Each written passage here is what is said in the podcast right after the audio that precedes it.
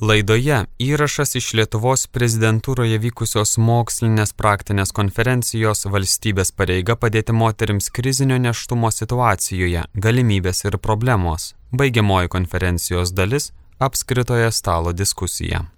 Apskrito stalo diskusija ir klausimas yra, Kokie svarbiausi veiksniai siekiant įtvirtinti efektyvios pagalbos krizinį neštumą išgyvenantiems asmenims sistemą Lietuvoje?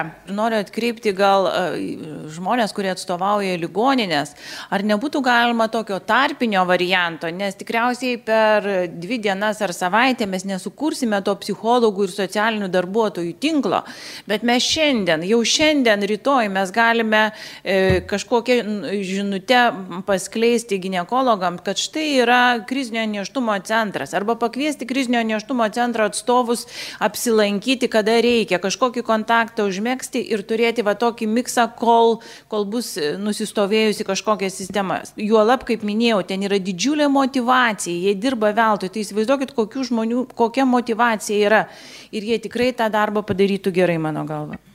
Ir, ir reikėtų, kad kažkiek tai tas bendradarbiavimas su nevyriausybiniu sektoriumi atsispindėtų ir šitoj rezoliucijoje ir iškiau. Čia yra, kad su organizacijom teikiančiom šią pagalbą. Ačiū. Tai, Aha, gerai. Gerai, tiek. ministras, prašau.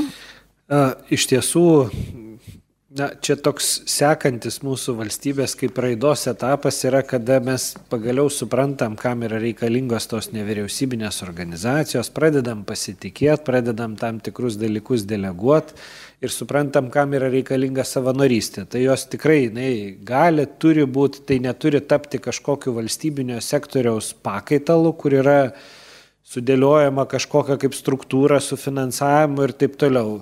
Nes finansavimą mes privalom sukti per privalomus dalykus, kur yra struktūriniai, kur galim tada tikrai garantuotai padaryti nevyriausybinėm turim suteikt galimybę aplikuot, gauti tam tikrus projektinius finansavimus ir panašiai. Aš gal tik sureaguosiu dėl tų psichikos sveikatos centrų. Nu, sėki neštumas nėra lyga, ten tų psichiatrų, aš manau, absoliučia dauguma atvejų nereikia. E, jeigu tai yra krizė, jų apskritai psichiatrai ir taip jų žiauriai trūksta realiom lygom gydyti, psichikos lygom, jų visur regionuose mažai yra bet psichologų Lietuva ruošia daug. Iš tikrųjų, mes jų nemažai pasiruošiam, klausimas, ką mes su jais veikiam ir, ir ką padarom. Bet kiek mes jais pasitikim, kiek, kiek mes leidžiam jam ateiti į sistemą, kiek mes juos priimam, kiek, kiek įdarbinam. Tai vad manau, kad, kad tie psichikos sveikatos centrai ir taip turi ką veikti, daug dievė jam spėt apsidirbti su darbais, kurie yra tikrieji psichikos sveikatos darbai. O mes galvokim kaip mūsų sistemoj galėtų atsidurt darbuotojai kurie nebūtų tom ligom sakykim skirti spręst bet labiau krizinei pagalbai tomas biržietis e, atstovauja vienai iš įstaigų ir Lietuvos akušerių gynekologų draugija, tai iš tiesų labai pritariu e, gerbiamam ministrui e, ir noriu pasibėti, kad iš tiesų ir turėtų būti tiek psichologas, tiek socialinis darbuotojas toje vietoje, kur ištikusi yra krizė. Tai dabar, dabar mes turime pasakyti, kad dviejose didžiosiuose įstaigose tokios struktūros yra tik tai žmonių entuzijazmo dėka. Tai yra gydytojų, kurie matė, kad reikia, tai yra socialinių darbuotojų, kurie aukoja savo, e, savo laiką ir žinias, ir kompetenciją, ir draugiškumą, ir žmogiškumą, ir visą save atiduoda socialinių darbuotojų lygiai tą patį daro ir psichologai. Ir, ir pradėjęs vadovauti viena iš, iš filialų ligoniniai, pirmas klausimas mano buvo, ar mes turime socialinį darbuotoją ir psichologą. Aš vadovauju Prano Mažylio gimdymo namams. Tai vėlgi e, asmeninių ryšių ir draugiškumo dėka pasiekėm, kad, kad tas socialinis darbuotojas būtų, kad konsultuotų. Tai kalbant apie sisteminį požiūrį į šitą problemą, iš tiesų aš tai matyčiau kelis dalykus. Vienas dalykas, mes paimam krizinį neštumą kaip faktą, kad jis jau įvykęs. Ar mes galim ką nors padaryti, kad jo išvengt, kad sumažint, kažkodėl nekalbam apie tai. Ir čia reikėtų ne tik sveikatos ministerijos, tai turėtų būti švietimo ministerija, todėl kad apie tai turėtumėm kalbėti, mes čia pasijokėm iš 9-12 metų vaikų, bet 9-12 metų vaikai, jie yra seksualiai aktyvus, jų seksualumas kitoks, metų vaikas yra seksualiai aktyvus. Ir čia mes turėtumėme apie tai kalbėti būtent mokykloje ir kaip pateikiamas, irgi gerbiama pranešėjo pateikėt jūs kaip gerą praktiką Suomijos. Tai bendrai yra geroji praktika tiek Suomijos, tiek Estijos, kurie toli nuėjo nuo mūsų. Tai ten visų pirma, kas buvo padaryta, tai yra labai labai stiprus litiškumo mokymas e, mokyklose, švietimo sistemoje. Nežmoniškai stiprus. Ir čia yra ir vertybės, tai yra požiūris į gyvybę, būsimą, tai yra požiūris į šeimą, tai yra požiūris į lytinį gyvenimą, į intimų gyvenimą, į saugų intimų gyvenimą. Ir, ir e, atėjęs tas jaunas žmogus, ir čia aš noriu paponuoti profesoriui Birutė Obelenieniai, tikrai neteisybė, kad e, e, hormoniniai kontraceptikai didina kažkokią tai riziką. Sakėte, kad neštumo nutraukimų nesumažina. Sumažina. Sumažina. Bet jeigu žiūrėtas tą gerąją praktiką, tai e, lytiškumo mokymas, supratimo apie lytinį gyvenimą mokymas, kontracepcijos mokymas, nepropagavimas, bet mokymas nedidina jaunų žmonių paauglių lytinio aktyvumo. Nedidina, kaip tik sumažina, jie vėliau įrodyta, kad vėliau pradeda lytinį gyvenimą, ne anksčiau, jeigu apie tai kalbame. Skirtingi taip dalykai.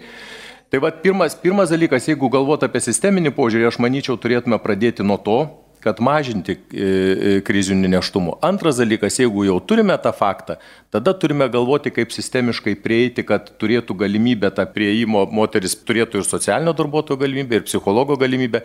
Dėl to sistemiškai turėtume galvoti, kas ir kaip turėtų apmokėti jų darbą, iš kokių lėšų, nes dabar ligoninė pati tiesiog buvo iniciatyva pati ligoninė iš savo lėšų finansuoja. Etatas Taip. teigia, nes, sakykime, mes neturime tokio etato Ačiū. ir tokios galimybės neturime.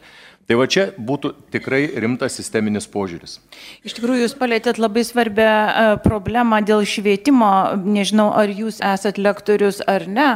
Aš tiesiog e, matyčiau klausimą ne tik tai apie vaikus, bet ar nereiktų peržiūrėti ir e, gydytojų, akušerių gynekologų rengimą atkreipiant dėmesį į tas vertybės, nes jūs ir pati truputėlį sakėt, kad, na, iš tikrųjų tos vertybės keičiasi, tai gal profesorių ar, ar, ar, ar kažkokiu dėstytoju norėtųsi paklausti, ar, ar nebūtų tikslinga truputėlį koreguoti, ne, nesakau, kad iš esmės kažką labai, bet e, vis tiek atsižvelgiant į tos psichologinius aspektus. Nes iš tikrųjų aš nežinau kaip jums, bet man anksčiau buvo labai taip, e, man atrodė, aišku, tai yra, kas yra krizinis neštumas. Na tai kažkokia 15 metė laukėsi e, ne, vaiko, kuris neplanuotas. Bet iš tikrųjų situacija yra visai kita. Situacija yra, kaip mes kalbėjom, dėl dviejų dalykų. Iš esmės dėl, aišku, būna ir tų 15 mečių, bet tai yra retas reiškinys, o, o dažniausiai tai yra santykių krizė arba vertybių krizė priimti tą vaiką ne tokį, kokio tu laukiai, o kitokį. Gal tada truputėlį ir atsakysiu. Matot, jau mes vat, šitoj nedideliam žmonių būry, mes jau turim visiškai dvi skirtingas nuomonės, atrodo, abi yra grįstos įrodymais. Ir todėl e, aš iš tiesų tikrai labai atsakingai galiu pasakyti, kadangi dalyvauju e, rezidentūros programoje, esu rezidentūros koordinatorė mūsų klinikoje kušerijos gynekologijos nėra lengva. Vertybės žmonės atsineša iš šeimos, kaip jau mes visi žinom, ar ne? Dabar e, iš tiesų, e, žinot, jeigu pasakysi žmogui vieną kitą žodį, kas tai yra skaistybė, nu, tiesiog galime nusikvatoti. Šitas žodis iš mūsų gyvenimo kaip vertybė iš viso yra išbraukta. Nors Dievas jau taip sukūrė moterį, kad davė kažkokius jai lytinio gyvenimo apribojimus, nes po pirmųjų lytinių santykių jinai jau visiškai tampa kitokia. Nu, bet čia žinot kaip. Tai dabar noriu pasakyti apie jaunus žmonės ir apie rezidentų ruošimą. Taip, mums tikrai yra stoka dėkti truputį kitokį požiūrį, sakykime, ir kalbėti apie vertybės.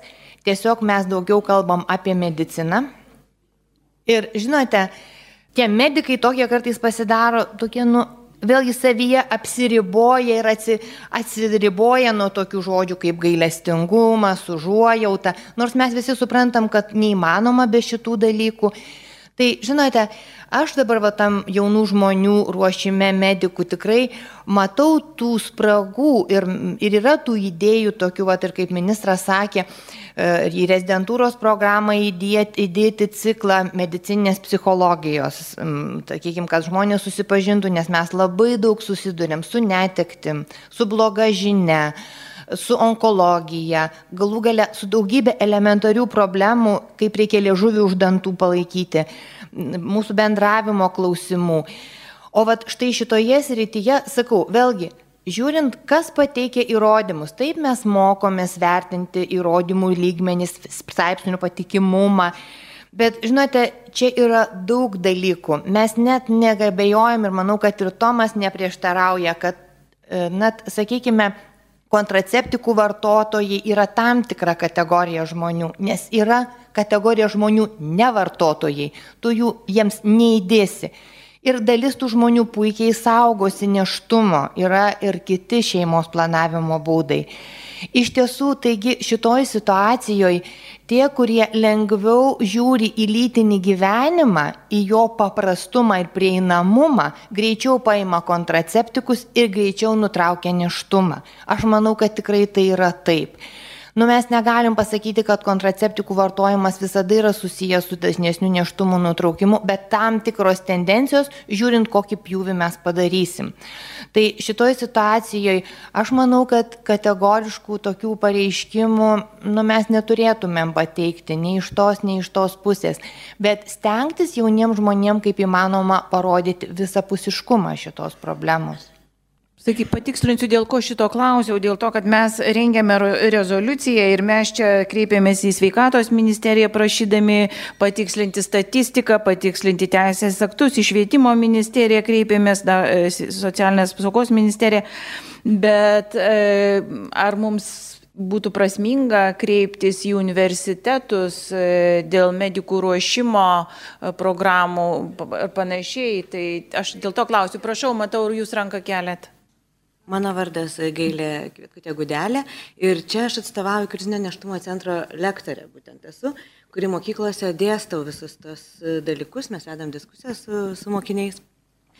Ir aš čia tiesiog norėjau įsiterpti ir, ir, ir vat, apie tą visą švietimą pakomentuoti. Iš tikrųjų dabar yra paradoksalu, nes šiuo metu Vientisos sistemos aš nematau, nes mokyklos žino, sako, mums pagal programą priklauso šviesti, bet kas ir kur kaip turi teikti, jie nežino, jie ieškosi per visur visai tos informacijos ir paradoksalu yra tai, kad mus dabar finansuoja kultūros ministerija. Aš tiesiog parašiau projektą, prie, prisijungiau prie, su, su kolegiam prie kultūros paso Tai yra kultūros ministerijos programa, ne švietimo ministerija, ne sveikatos ministerija. Nu ir žinokit, važinėjom po mokyklas su žmogaus gyvybės kultūros projektų, kaip čia pas pavadinusi. Ir dėstom litiškumą. Tai užsakymų, žinokit, aš turiu kiekvieną, va ką tik iš Širvintų atvažiavau ten ir po visą Lietuvą visos mokyklos skambina, atvažiuokit, atvažiuokit, padėkit, pagelbėkit. Bet tai va, norėjau tiesiog pakomentuoti, kad kultūros ministerija. Ačiū, gerbam profesorė. Aš du dalykus ir atsakant į gydytojo. Bet pirmiausia, aš noriu pasidalinti gerąją praktiką. Aš buvau Vokietijoje ir mačiau krizinio neštumo centrus. Dalyvavom parodomoje, parodomoje konsultavime, vis, pamatėm visą sistemą. Aplamai kaip tai yra, su, nuo, nu, nu, reiškia, įstatymo lygio iki, iki absoliučiai visą. Tai pirmas dalykas, ką, ką jie sako, kad būtent medikai yra parengti taip sutikti moterį, ateina moteris, tarkim, patikrai pas šeimos gydytoją ar, ar, ar pas akušer gynekologą. Pirmi žodžiai būtinai tik tai tokie, sveikinu jūs neščia. Tai yra pozityviai ir medikams taip įkalta į galvą, kad sveikinu jūs nešia. Nu ir sako, jau ką, jau dabar matai, kad ta moteris, nu nelabai laiminga, tada žinoma pas konsultantą. Tai yra, e, taip kaip sakyt, nu, visiškai labai tvirtai ir labai aiškiai pasakyta. Aišku, e, Vokietijos įstatymai reglamentuoja du. Tai yra baudžiamasis kodeksas, kuriame įrašyta, kad abortas, jeigu moteris buvo nekonsultuota, yra nelegalus. Ir kitas tai yra būtent įstatymas, įstatymo numatyta tvarka, kaip išvengti konfliktų neštumo metu. Ir pirmasis sakinys, kuris prasideda tame įstatymė, yra tas, kad gyvybė prasideda nuo apvaisinimo ir išgelbėti embrioną mes negalim kitaip, kaip tik tai pagelbėdami moteriai. Ir toliau yra reglamentuojami, kas yra konsultavime, koks turinys ir taip toliau. O dabar atsakant, daktarui, jūs tikrai sumaišėt lytinį švietimą su lytiniu, lytiškumo ūkdymu. Yra dvi skirtingos strategijos. Yra rizikos vengimo, tai yra lytiškumo ūkdymas, ir rizikos žalos mažinimo yra lytinis švietimas. Tai labai trumpai, nes čia, čia labai daug dalykų. Ačiū, prašau, prisistatykite. Aš jau prisistačiau kaip gydytoja neonatologė iš Kauno klinikų, taip pat atstovauju ir akademinę e, bendruomenę, e, sveikatos mokslo universiteto docentė. Ir man teko kaip tik būti Vatikane Romoje konferencijoje apie perinatalinius hospisus, Yes to Life. Ir va šitą praplečiant krizinio e, neštumo e, savoką, kai yra e, diagnozuojamos jau displazijos ir kas tie perinataliniai hospisai, tai jie Lietuvoje iš tikrųjų galimi tik tai dviejose perinataliniuose centruose. Nu, tai negali būti. Bet ar jie yra?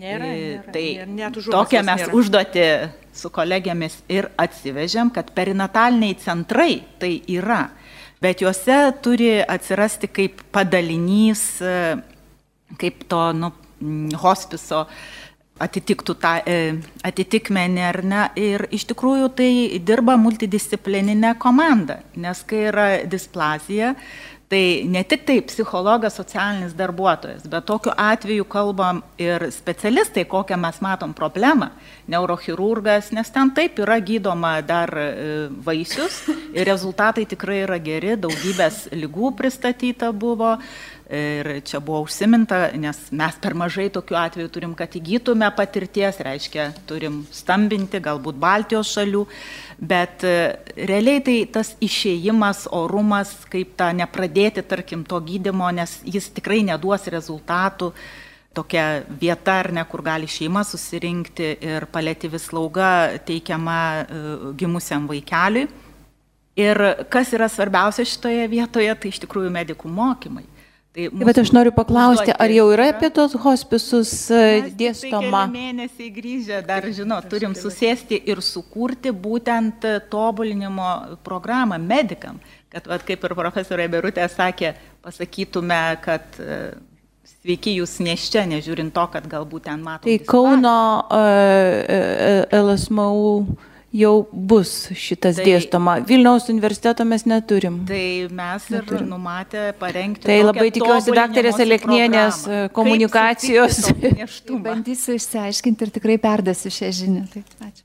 Prašau, jūs Tiesiog aš tik tai tikrai pritarčiau ministrui ir, ir dėl sistemingo iš tikrųjų vedimo sistemos pačios e, gydymo įstaigose, perinataliniuose, pirmiausia centruose, kur atliekamos trečio lygio paslaugos ir aišku antras lygis ir B lygis ir, ir, ir visur kitur.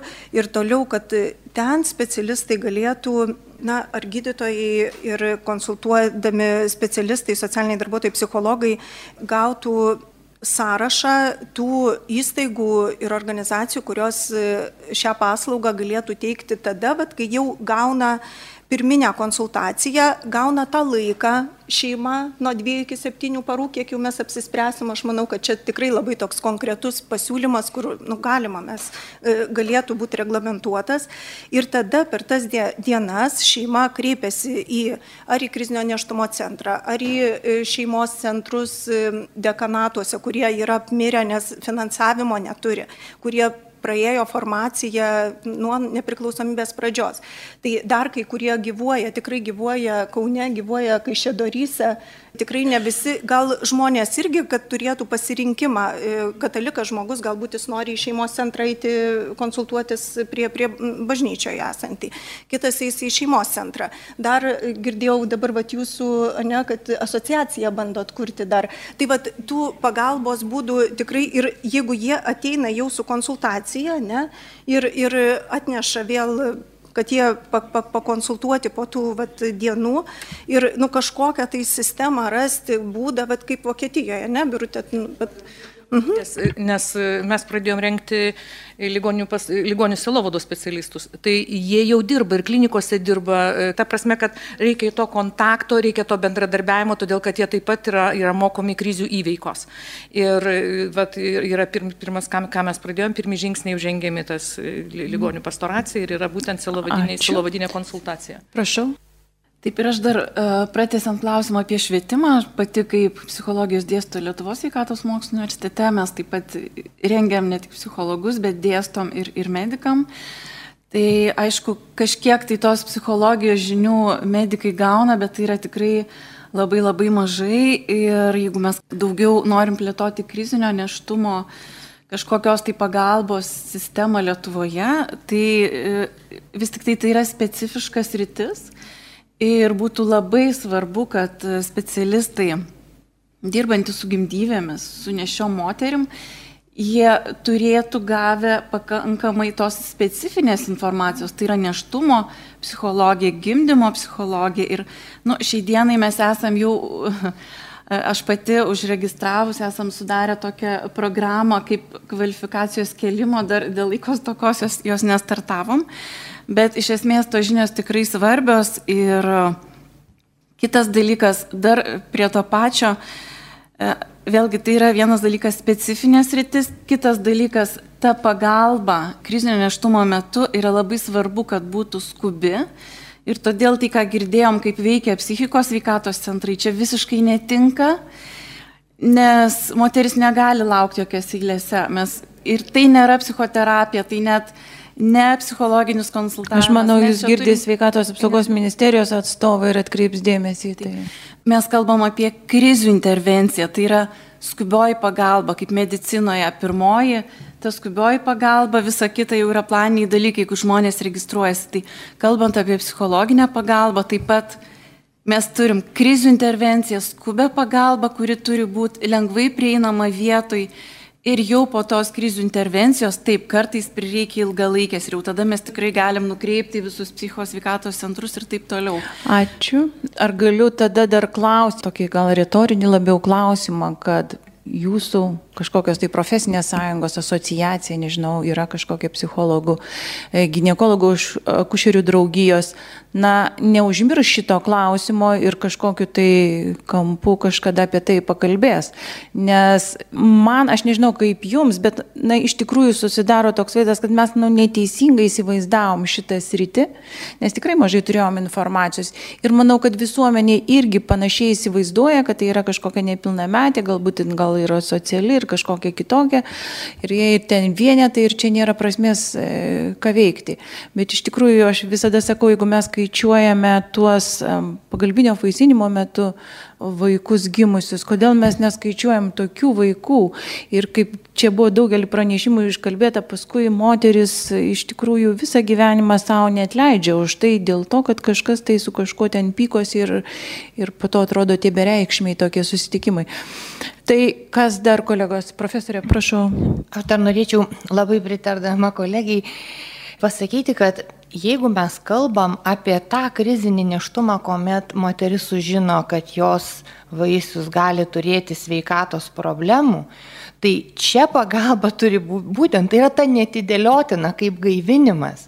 Nes iš tiesų toks yra siekinys ir mes, mes to siekiame ir aš kalbėjau su kolegė, kuri daugiau dirba perinatologijoje ir kartu dalyvavo ir Romoje tame renginyje kad siekiame to, kad ten, kur gydytojas įtarė kažką tai blogai, kad jis nesakytų pacientiai iš tiesų, o siūstų ją į perinatologijos centrą, kuriame jau šita diagnozė turėtų būti patvirtinta, įtarta kažkaip kelių specialistų, nes netgi vienas žmogus turi susilaikyti nuo savo radinių komentavimo, todėl kad iškart po to, kai ta žinia patenka Moteriai jau ją iš karto turi į globą paimti visa specialistų komanda ir ne tai, kad kur jinai eis dabar ar kur jinai eis dabar. Tiesiog jai turi būti sudarytas tunelis specialistų, kokie jie yra reikalingi, tą jau nusprendžia, sakykime, ar mes pavadinsime tai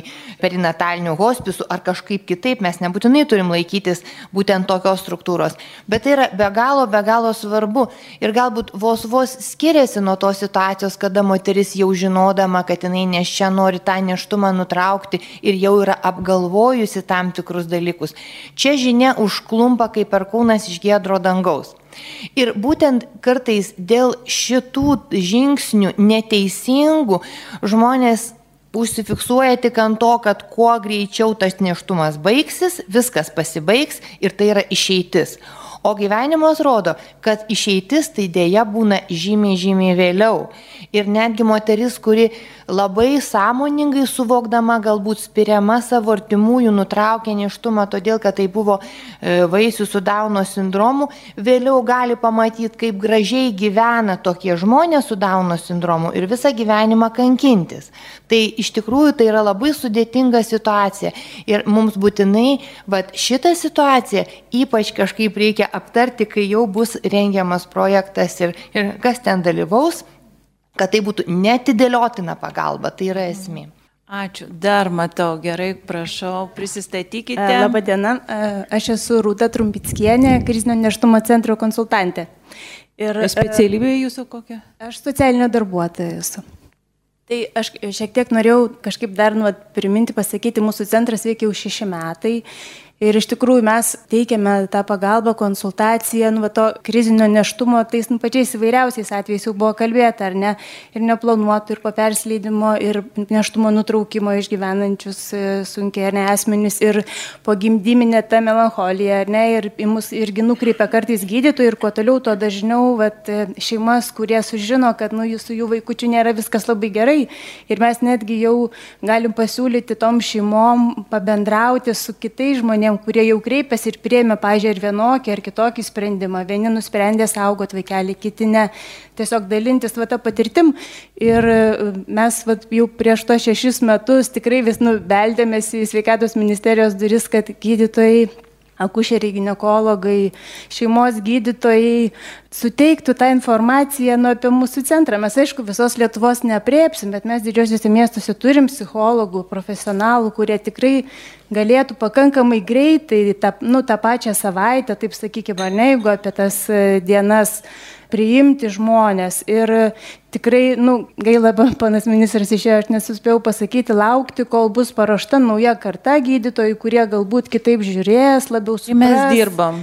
Tai dirbam. tiesiog dabar jau galima tą daryti. Jo, tai aš jums galiu pasakyti, kad dabar jau dabar mes tą ir darysime. Aš manau, kad jūs išgirdo ir, ir ligoninių atstovai, bet aš noriu atkreipti jūsų dėmesį ir jūsų įstaigą. Jūsų įstaiga turėtų duoti grįžtamą į ryšį. Taip tikrai greičiau pasiektumėt rezultato.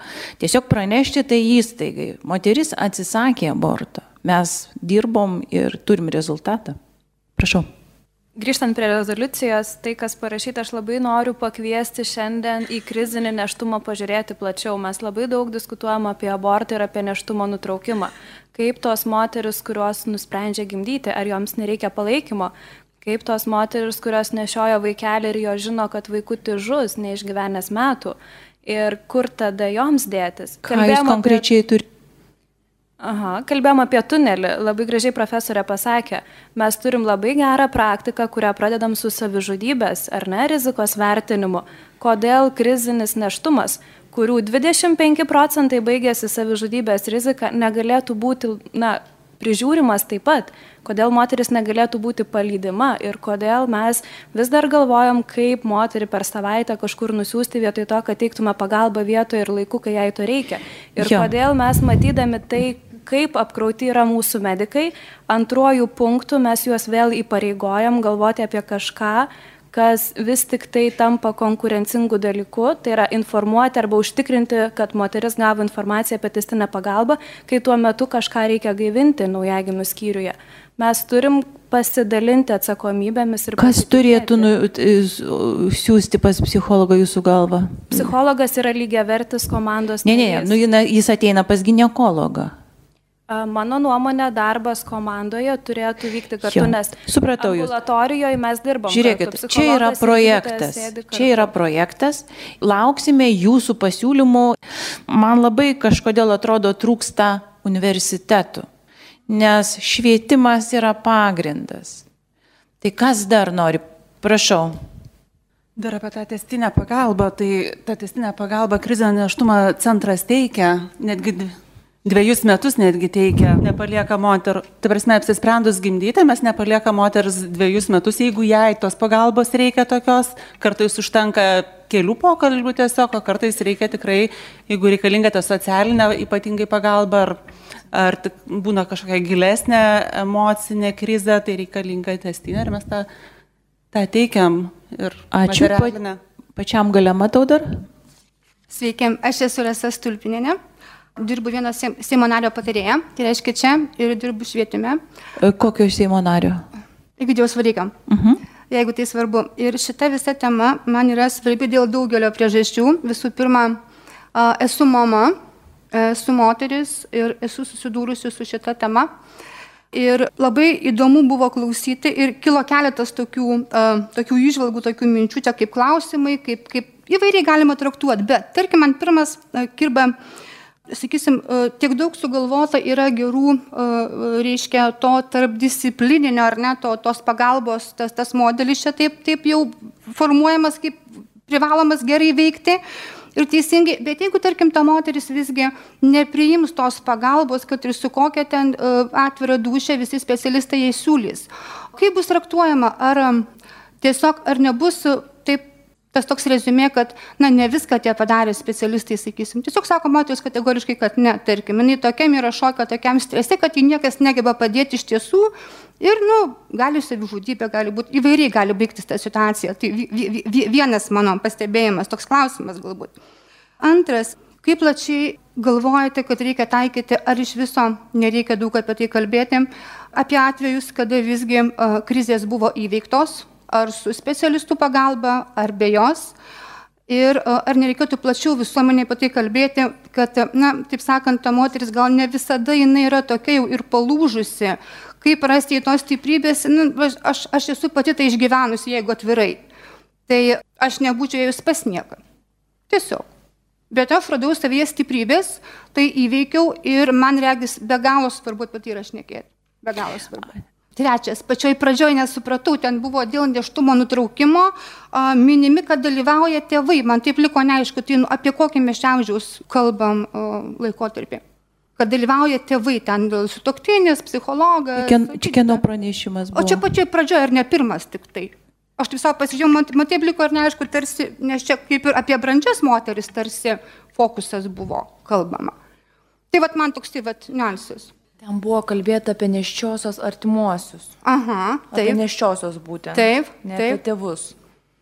Bet ten buvo... Nes spaudimas gali būti ir suaugusios moters taip, taip. iš tėvų, iš tėtų, dėdžių, ko tik nori. Tai vat man, man, man ir kyla klausimas, jeigu man 40, tai kodėl čia turi dalyvauti, tarkim, dar... Kai kur dalyvauja ir kišasi visą gyvenimą. Ai, tada turbūt savotiškai susijusi paskutinė mano tokia pastaba.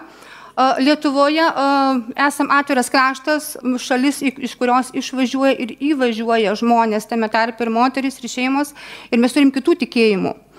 Ir, sakysim, su krikščionybė čia mes visai, tai tikim, tai netikim, tai žaidžiam, tai, tai, tai mylim gyvybę, tai, tai atsisak, visko turim ir ne, neslėpkim, čia mūsų toks šiaudinis, šiaudinis katalikas dažnas Lietuvoje yra. Na, o tarkim, jeigu kreipiasi į tokį, na, ateina, sakysim, į medicinos įstaigą, na, nežinau, kito tikėjimo, musulmonė, tarkim, moteris, ar ne? Ar yra apie tai kažkaip galvojama ir kokia pagalba jai tada galima? Ten truputėlį kitokia yra istorija apie, apie na, šeimos ir... Jo, tai žmogaus. ačiū Jūsų klausimas, aš suprantu, daugumas iš jų yra retoriniai, bet labai jeigu trumpai, tai aš savo mintis galiu pasakyti, aš manau, kad Jūs palėtėte dar ir kitą labai svarbų klausimą, kad vis tik tai mm, poelgiai, lyga e, yra šiek tiek jeigu nedaugiau ir pačio paciento klausimas. Mes kažkaip labai įpratę kaltinti gydytojus ir medicininį personalą, kad aš sergu. Tai čia yra kita tema, kur man taip pat yra labai svarbi. Aš manau, e, gydytojas su pacientu turi bendradarbiauti, žinoma, tas ryšys ne visada užsimesga, tai iš tokių dalykų būna. O apie galinį ryšį mes jau kalbėjom. Tai gerbiama profesorė ir mes. Dėl, dėl mūsų, uh -huh. Jūs, ne, prašau. Nesakė, ne, ne žodį suteikėt. Ne, žodį, žodį, prašom. Aš, jūs, atsakymą, nes aš suprantu, retoriniai klausimai daugiau buvo. Jo, čia dėl kito tikėjimo aš tik papasakosiu tikrą atvejį, kuri, kuris yra pasakotas, ta prasme, tam, kam tai atsitiko, kada atėjo moteris į gydytojo patikrą, pasiūlė jai abortą ir, ir jinai pats sakė, labai pasipiktinusi, aš esu musulmonė, ne kokia nors krikščionė. Tai, tai iš tikrųjų mes gal nesiekime šitų dalykų su viena ar kita vienu ar kitu tikėjimu. Čia aš suprantu, čia ir nekarta buvo paminėta, kad tai yra vertybių klausimas, bet e, yra tikriausiai ir netikinčių žmonių, kurie vertina gyvybę. Ir tikinčių žmonių, ir netikinčių, ir į, į, įvairios religijos, man atrodo, na bent jau tos pačios pagrindinės, tai jos ypatingai vertina gyvybę. Bet aš manau, kad ir netikinti žmonėms svarbus moraliniai dalykai. Tai gerbiami kolegos, aš, aš galvoju, kad mes dar norėtumėt paskutinį pasisakymą. Gerai. Aš dar norėčiau paliesti anonimiškumo klausimą. Nes e, aš atstovauju krizinio neštumo centrą, mes dažnai susidurėm su tuo, kad moteris nori likti anonimiškos, pakol jos sprendžia tam tikrą problemą. Tai kadangi kalbėjom daug e, šią temą, tai irgi vienas iš diskutuotinų klausimų, kodėl kartais net pas savo gynekologę moteris nenori eiti ir ieško pagalbos kitur. Nes pradžioje kyla begalės klausimų ir va tas anonimiškumo klausimas, jisai irgi labai svarbus, kuriant sistemą. Ačiū. Tai gerbim kolegos, aš tikrųjų visiems labai labai dėkoju. Mes labai esame įpratę, kad štai yra problema ir, kaip aš mėgstu sakyti, aukščiausia ministerija jį išspręs. Iš tikrųjų, šiandien kiekvienas iš jūsų, kiekvienas iš jūsų dalyvavę šioje konferencijoje prisideda prie to, kad šita problema būtų sprendžiama.